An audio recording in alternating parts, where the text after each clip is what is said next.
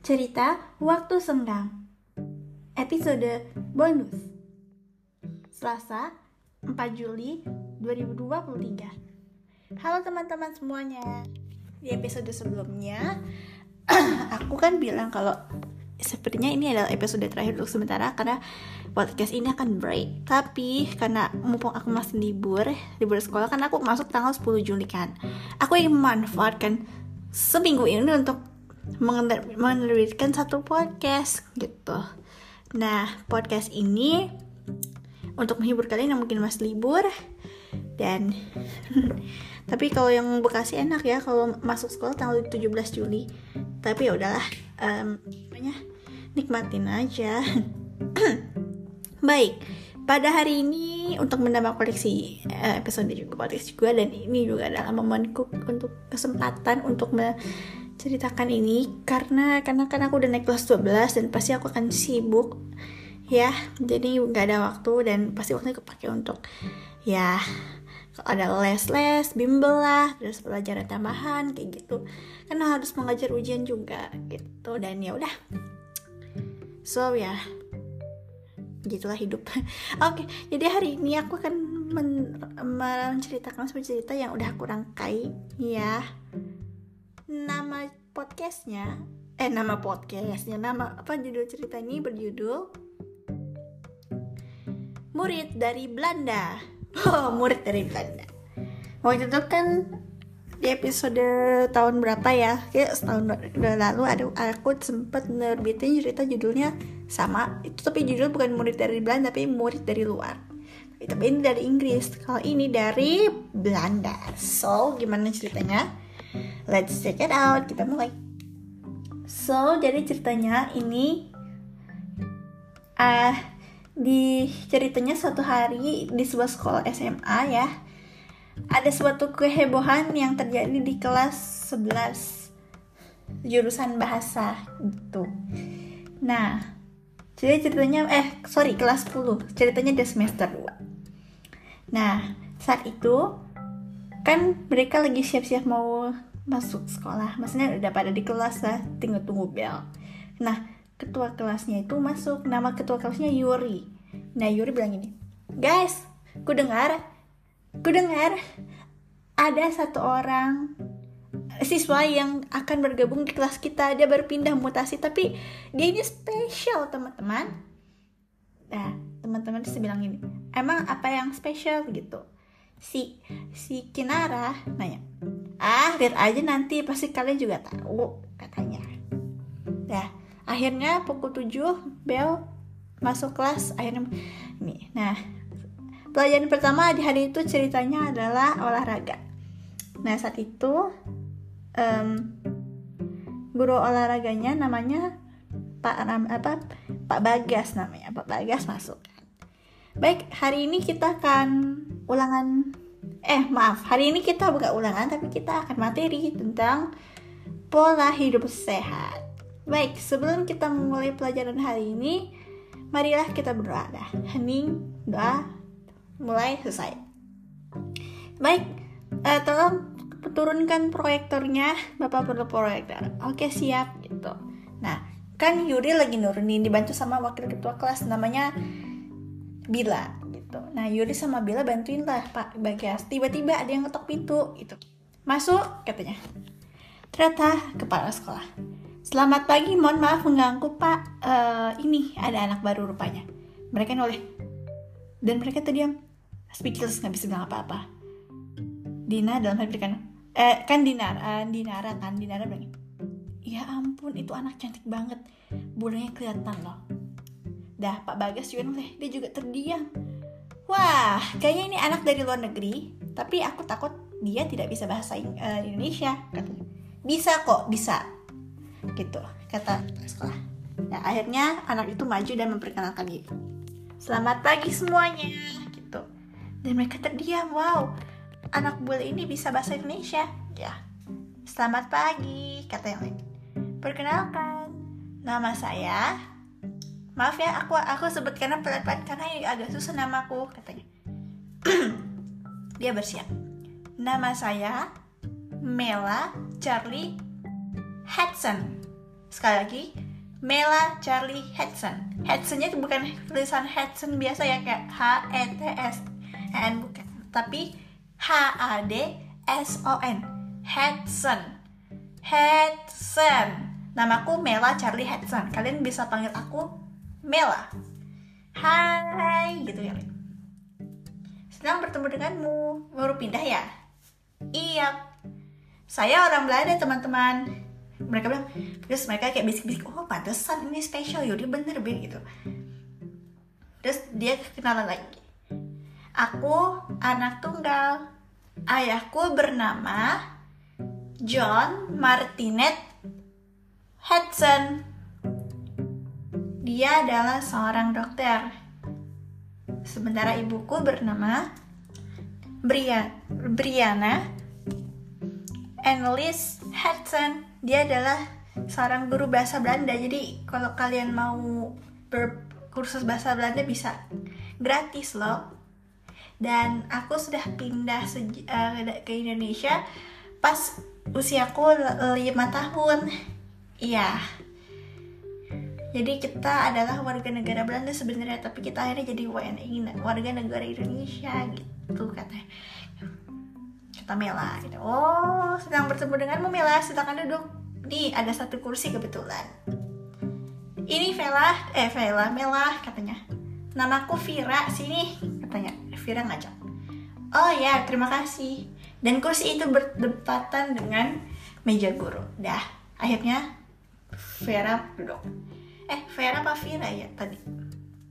Oh ya, Vira oh ya Vira ini kembar namanya Vera jadi ada ada dua Vera dan Vira Vera di belakang Vira itu Vira yang dekat uh, si Mela gitu dia tatap matanya uh kulitnya putih dan uh rambutnya oke okay, pasti dia non muslim katanya dalam hati Oke okay, anak-anak, ini adalah anak baru kalian dan kalian harus menghargai, oke? Okay? Dan um, Mela, selamat datang di jurusan kelas 11 jurusan bahasa. Oh ya, kamu sudah pindah 5 tahun. Ah, tapi apa orang tuamu bisa bahasa Indonesia? Katanya. Bisa dong pak, katanya. Bagus. Saya sih sebenarnya bisa bahasa Belanda, cuman masih harus latihan. Oke, okay. karena memang saya bahasa Indonesia gitu. Dan saya juga perlu belajar juga pak. Kalau belajar paling dari ibu saya, katanya. Oh, baik, baik. Baik, saya permisi, kata kepala sekolah. Baik, kalau begitu. Nah, Mela, kamu tadinya sekolah di mana? Tadi saya di waktu itu sebelum di sini saya di SMA 113 jurusan bahasa. Tapi karena kejauhan akhirnya saya mutasi dan puji Tuhan akhirnya lulus saya. Eh, lolos saya bisa ke sini. Oke, baiklah. Kebetulan cuma satu kursi doang. Selamat katanya sambil tos ke Mela dan kayak bapak dengar robotmu bagus katanya ya memang saya sudah diajarkan tentang kedisiplinan dan waktu rajin belajar dari lama gitu oh bagus bagus oke anak-anak mari kita lanjutkan pelajarannya ya. Mela kau pasti bisa mengejar ketertinggalan. Dah mereka lanjut belajar dan Mela langsung pergi ke eh pergi kan ya ambil buku catatan terus nyatet apa yang ada di layar gitu. Nah saat itu kan dia sempat nanya kamu terakhir kali semester 2 sampai mana? Ternyata materinya sama pola hidup sehat gitu. Dah beberapa jam berlalu waktu istirahat pertama yang datang dah Mela sama Vira ngobrol tanpa ragu marga kamu apa Mel tanya Vira Mel bilang Hudson marga aku Hudson ayahku Hudson, ibu Hudson, memang keluarga kami Hudson. Kapan-kapan aku main ke rumahku, eh, ke rumahmu boleh? Oh iya, boleh. Don't worry, no problem. Kedua orang tua pasti akan menerimamu dengan baik. Oh, baiklah. Terus dia mengeluarkan sesuatu. Nih, buat kamu. Oh, aku dikasih hadiah. Jauh-jauh dari Belanda, oh my god. Kamus bahasa Belanda. Serius? Ya, jadi ini hadiah ucapan terima kasih telah berkenalan denganmu. Oh, oke, okay, sama-sama. Aku terima ya.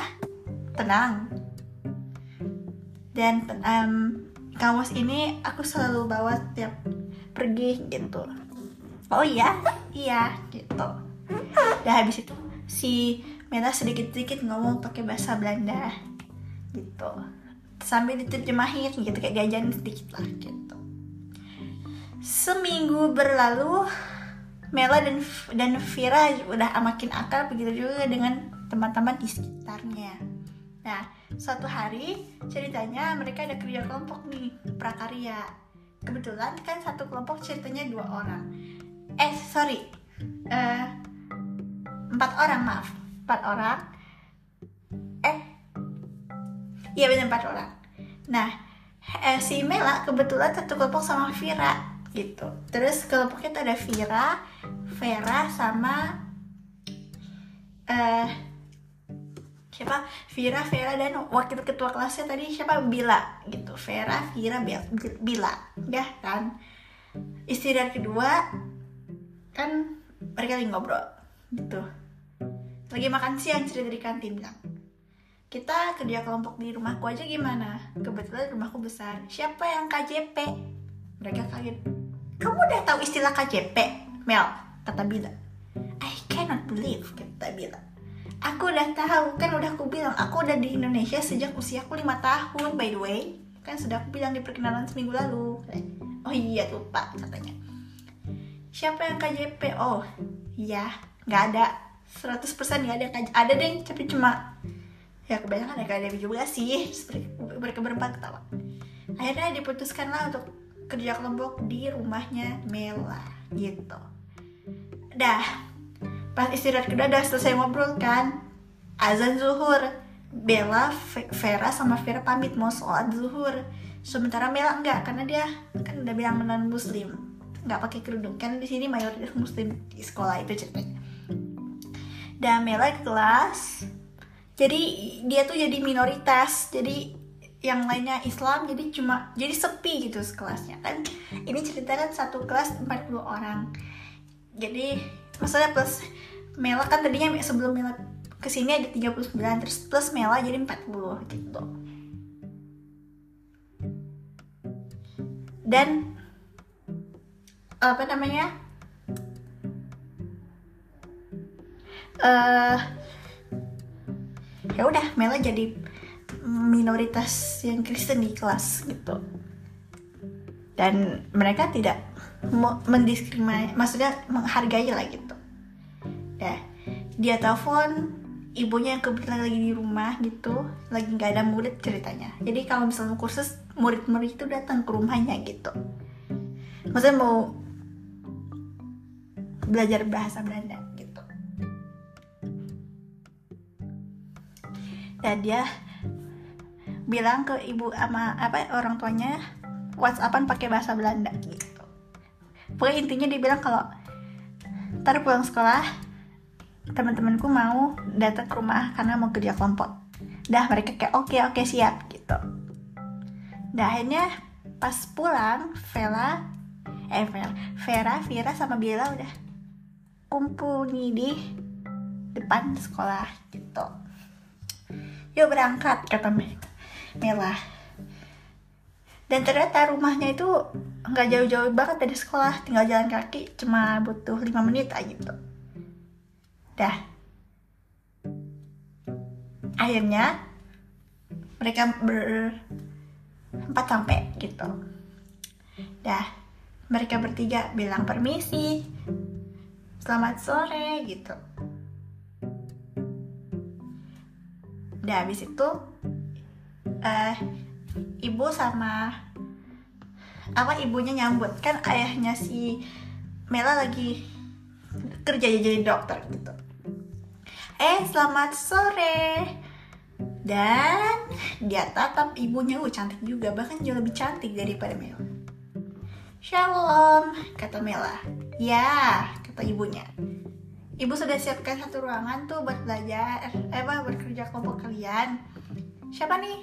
Nama saya Bila, saya Vera dan ini kembaran saya Vira. Oh kalian kembar, oh my. Baik, masuk masuk masuk. Oh ya kalian mau apa? Nanti saya mungkin kalian mau kue?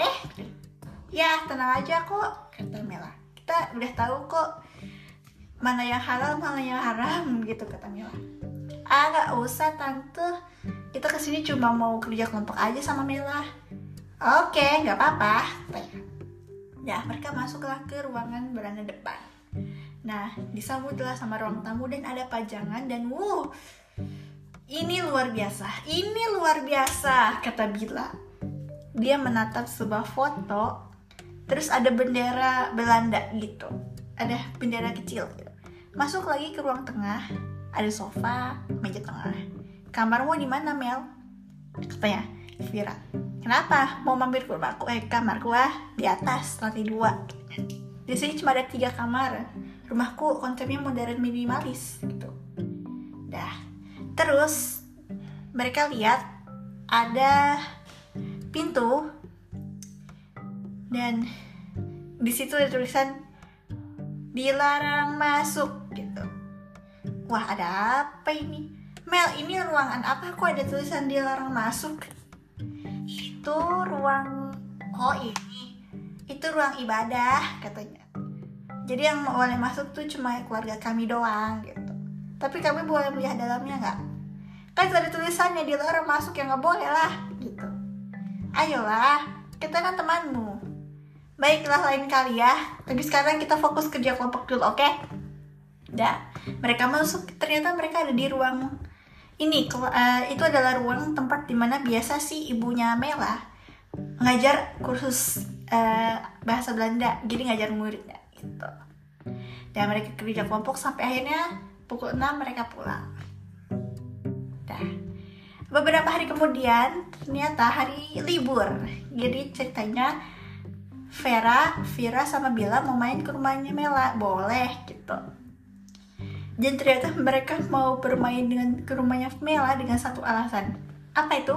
Mereka mau mengintip satu ruangan yang tadi dikasih tahu yang dilarang masuk gitu. Dan kebetulan si dokter uh, si dokter Martinet kita bilang dokter Martinet lagi libur. Dan ya sudah karena Mela kayak udah datang kan udahlah boleh boleh. Nggak cuma keluarga aja kita akhirnya tapi jangan kasih tahu siapa siapa ya kata Mela pas buka kunci ruangan. Siap bos katanya Vera nah abis itu masuk dah ternyata di dalam cuma ada tiga kursi. Terus di situ ada keyboard dan ada pajangan salib gitu. Udah deh gitu doang. Kecil tapi oke okay lah kata Vira kan udah aku bilang apa ruangannya itu kan sederhana banget. Kita memang mau dari minimalis. Nah habis itu Mela tutup pintu kunci. Dah terus tiba-tiba Mela bilang teman-teman kalau misalnya kamu sakit gitu ke sini aja ayahku juga buka klinik di sini tapi kliniknya ya ya itu kliniknya ya uh, kan dia tuh jadi dokter pribadi gitu bahkan kalau misalnya kalau aku sakit ya aku kasih tahu aku nggak perlu ke rumah sakit lagi jadi di rumah kita tuh udah ada kamar kayak isinya ada stetoskop, infus, semuanya perlu sampai rumah sakit ada. Serius? Nggak percaya? Kata Fira. Oh gitu. Sini ya. Nih ku tunjukin di ruangannya di mana. Di halaman belakang biar ketahu. Nah, dia keluar dari halaman belakang. Nah, pas di halaman belakang ada pintu lagi. Benar, deh ada kamar kayak semacam kamar eh, bukan kamar seorang pemeriksa dokter gitu. Oh iya bener katanya. Keren. Kan sudah aku bilang apa katanya. Nah, udah puas lihat rumahku? Ya udah katanya. Mel, Thank you banget kamu menjadi murid Belanda yang baik. Ah, sama-sama. Beberapa tahun kemudian akhirnya Mela dan teman-temannya lulus dan Mela memutuskan untuk kuliah di jurusan bahasa dan sastra. Dan di sinilah kisah cinta Mela dimulai. Jadi ceritanya di semester 2, ceritanya kuliah S1, dia ketemulah sama siswa. Namanya Reza. Nama lengkapnya adalah Reza Audrey Helen Bar gitu. Nah, Reza kan ceritanya mereka berdua lagi di kantin papas-papasan. Terus dia ngelirik tuh, eh siapa nih kata Reza. Terus dia terdiam, ya ampun ini gadis cantik banget. terus dengan pedenya si Mela bilang Hai katanya eh Hai kata Reza. Aku Reza dari jurusan sastra Indonesia. Aku Mela dari jurusan bahasa sastra asing katanya kamu ngambil jurusan bahasa apa? Uh, aku um, Belanda. What? Tunggu kamu dari Belanda? yes aku sudah pindah dari ke Indonesia sejak usia 5 tahun dan sekarang udah jadi WNI God kata Reza. Dan mereka katanya mereka mau terus habis itu kan mereka kenalan dan supaya mereka bisa berkenalan lebih lanjut akhirnya mereka pun follow followan IG ceritanya gitu. Mereka belum mau tukeran nomor handphone WhatsApp gitu. Dan ternyata Bila Vera Vera apa B, apa Bila dan Vira ternyata satu kampus sama Mela masa satu jurusan sama Mela sama-sama sastra Belanda kan mereka penasaran sebenarnya Vera dia kudanya jurusan lain gitu. Ternyata usia Reza sama Mela terpaut satu tahun. Jadi ceritanya Melanie usianya 20 tahun sebenarnya Reza 21 tahun dan katanya dia udah nginjet semester akhir ntar lagi lulus gitu. Nah waktu itu mereka sempet DM DM tuh nanya nanti kalau udah kuliah kamu mau jadi apa Reza bilang aku mau jadi penyiar radio katanya. Kalau kamu sendiri Mel Mela bilang aku mau jadi guru bahasa Belanda seperti ibuku.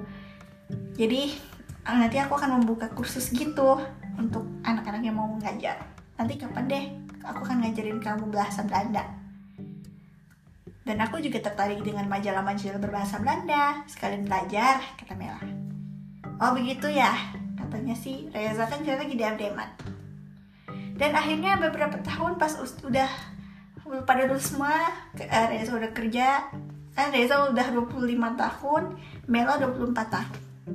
Nah, akhirnya mereka ketemuan ceritanya mau ketemuan di uh, apa namanya sebuah bar gitu. Dan mereka ngobrol pas ngobrol-ngobrol tiba-tiba si Mela ambil sebuah kalung gitu ya bukan kalung gini permen. Dia bilang eh Kareza nih buat Kareza katanya. Katanya apa nih? Dah dia tetap tuh permen eh bukan permen yang coklat. Dan saat itu mereka ngobrolnya berapa tepatan pas hari Valentine itu. Oh my god. I love you kak kata Mela tanpa dengan entengnya. Nah dia terdiam terus abis itu Reza kan natap Mela kan bilang dia bilang marry me marry me katanya. Dan udah pas udah mereka bilang udah nyatain perasaan pas si Mela bilang I love you Reza bilang marry me dan mereka langsung pacaran. Dan beberapa bulan setelah pacaran mereka memutuskan untuk melamar. Dan pas melamar inilah masalah besar pun terjadi. Mela ini kan masalahnya protestan sementara Reza ini Islam. Nah jadi orang tuanya Mela ini gak setuju kalau si Reza nikah sama Mela. Tapi ya mereka setuju dengan syarat kalau si Reza ini berani buat jadi ada dua pilihan. Bukan dua pilihan sih. Kayak mengalah, sering mengalahkan satu sama lain. Jadi Mela masuk ke agamanya Reza atau kalau enggak si Reza murtad masuk ke agamanya Protestan gitu. Jadi ceritanya ini lagi diskusi antara orang tuanya Reza sama orang tuanya Mela Reza, Reza kan si ibunya bilang oke okay, um, kalau gitu mungkin kamu mau masuk ke agamanya Mela dengan suara tegas Reza berkata, "Non, I impossible. Aku nggak mungkin murtad karena aku benar-benar memegang teguh ajaran. Sekali lagi, aku tidak mungkin. Hah, cinta beda agama. Rumit gini, riuh, apa ruwet jadinya. Hadina Mela pun kena Reza.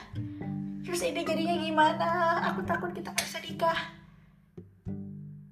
Dan ternyata solusi pun datang. Kan ceritanya lagi diskusi dan lamarannya nggak jadi. Ini karena persoalan cinta beda agama. Dua hari kemudian. Dua hari kemudian dua hari kemudian. Si Mela rupanya dapat hidayah dan akhirnya Mela pun masuk Islam. Kok bisa? Jadi gini ceritanya. Si Mela ini kan ceritanya like kan mereka sudah sama-sama lulus dan Mela Mela tuh emang kebanyakan di rumah gitu. Dan yaudah jadi suatu hari habis mereka ibadah ke gereja kan Mela lagi jalan-jalan tuh sama kedua orang tuanya ke gereja katedral yang ada di Jakarta. Sampai jam 12 nah pas mereka mau makan siang si Mela itu dengar tuh azan. Azan dari Istiqlal. Dan dia tersentuh. Karena dia merasa aduh ini azannya bagus banget. Dan dia seperti merasa tenang hatinya.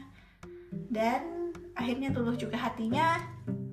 Dan siangnya dia menghubungi Reza bilang Rez uh, kamu ke rumahku? Yuk. Kenapa mau diskusi soal uh, lamaran enggak tolong deh. Sekarang kamu ke rumahku cepat ya oke okay, oke. Okay. oke okay, beb. Katanya. Udah kan? Habis itu Reza Reza masuk ke apa ke rumahnya si Mela. Dah kenapa? Katanya. Aku aku ah uh, kenapa? Kamu jangan bilang kamu mau putus sama aku. Enggak enggak mungkin. Tapi masalahnya masih ruwet aku masih pusing kata Reza. Aku aku kata Mela. Kenapa Mel? Kenapa? Aku aduh susah banget sih mengucapkan kalimat ini. Eh uh, apa aku mau cerita? Katanya. Tadi aku dan keluarga baru aja jalan-jalan ke, ke gereja katedral di Jakarta. Terus pas aku mau makan siang sama keluarga aku dengar azan. Terus aku merasa hatiku tenang dan aku merasa tertarik dengan ajaran Islam oh jadi keseka jadi kamu ingin aku mengajarimu seputar agama Islam gitu Mela mengangguk siap hmm sekarang kebetulan aku bawa ini. Ini adalah Al-Quran terjemahan. Bacalah sampai dari awal sampai akhir. Dan akhirnya dia baca satu bulan kemudian hidayah apa iman uh, si Mela semakin kuat dan benar saja akhirnya setelah dia membaca tuh semua apa satu buku Al-Quran terjemahan dia bilang ke Reza Rez aku bersaksi bahwa tiada Tuhan selain Allah dan Nabi Muhammad adalah utusan Allah katanya. Dia kan bilang di cerita lagi video call di WhatsApp gitu. Dan pas udah bilang gitu Reza diem. Rez kamu dengar aku nggak? katanya. Reza Reza Hei ini jajan teleponnya mati atau nggak ada sing tiba-tiba ucapan Mela terhenti. Karena dia mendengar suara Isak tangis. Hah? Reza menangis? Reza menangis. Bilang Beb kenapa kamu nangis? Da, dengan diri dia bilang dia bilang akhirnya kamu masuk juga ke agama Islam Mela. Hidayah datang kepadamu. Aku siap menerima lamaranmu dan akhirnya besoknya akhirnya Mela dan Reza melamar dan akhirnya sebulan kemudian mereka nikah. Dan akhirnya si Mela ini nggak ganti nama. Kan nama mereka kan uh, nama Mela kan Mela uh, siapa namanya? Oh ya lupa kan jadi Mela Charlie Hudson nah ternyata si Reza pengen ganti namanya. Kan tadinya namanya si Reza Audrey Helen Bar nah sekarang namanya jadi Reza Helen Hudson gitu. jadi pakai nama marganya si Mela. Dan sampai sekarang Mela dan Reza masih menikah. Dan ceritanya si si Mela ini udah hamil dan kita udah udah empat bulan hamil dan ya kita doakan saja semoga keluarga mereka selalu sama sakinah mawadah warohmah. Amin oke itu tadi adalah cerita berjudul murid dari Belanda. Gimana menurut kalian? Ini sangat luar biasa ya. Baiklah kalau begitu sekian cerita hari ini. Selamat berlibur dan sampai jumpa di uh, I don't know karena podcastnya akan break uh, dan cukup lama. Oh my god tapi nggak apa-apa lah. Semoga aja semua baik-baik saja selama aku tidak terjun ke podcast dan semuanya dalam kondisi baik. Oke okay. sampai jumpa di cerita berikutnya dan walaupun aku nggak luncurin episode lagi ya mohon maaf. Podcastnya akan break selama lamanya tapi ya doain aja semoga ada waktu ya. Dan tentu saja aku bisa mendapatkan inspirasi cerita yang lain lagi oke? Okay? uh, aku jadi sedih karena aku akan berhenti untuk sementara untuk memproduksi pod apa episode podcast. Tapi ya mau bagaimana? Ini juga demi masa depan masa depan. Tapi aku nih eh, oke okay lah oke okay lah. Jadi uh, ini kan preset. Baiklah kalau begitu sampai jumpa di waktu yang akan datang. Dan hingga semoga kita dapat kembali berjumpa lagi di waktu yang akan datang. Oke? Okay? aku pamit undur diri dan jaga diri kalian. Tetap jaga kesehatan. Ini udah endemi ya. Semoga aja nggak ada covid lagi amin. Dan sampai jumpa di cerita selanjutnya dan yang entah kapan akan kembali tayang. Oke okay, bersabar. Tapi ya semakin dewasa semakin sibuk aja waktunya mepet bukan mepet juga kepake semuanya. Oke okay, baiklah kalau begitu. Selamat berakhir eh selamat berakhir selamat berakhir selamat beraktivitas. Dan sampai jumpa di waktu yang akan datang. Sampai jumpa.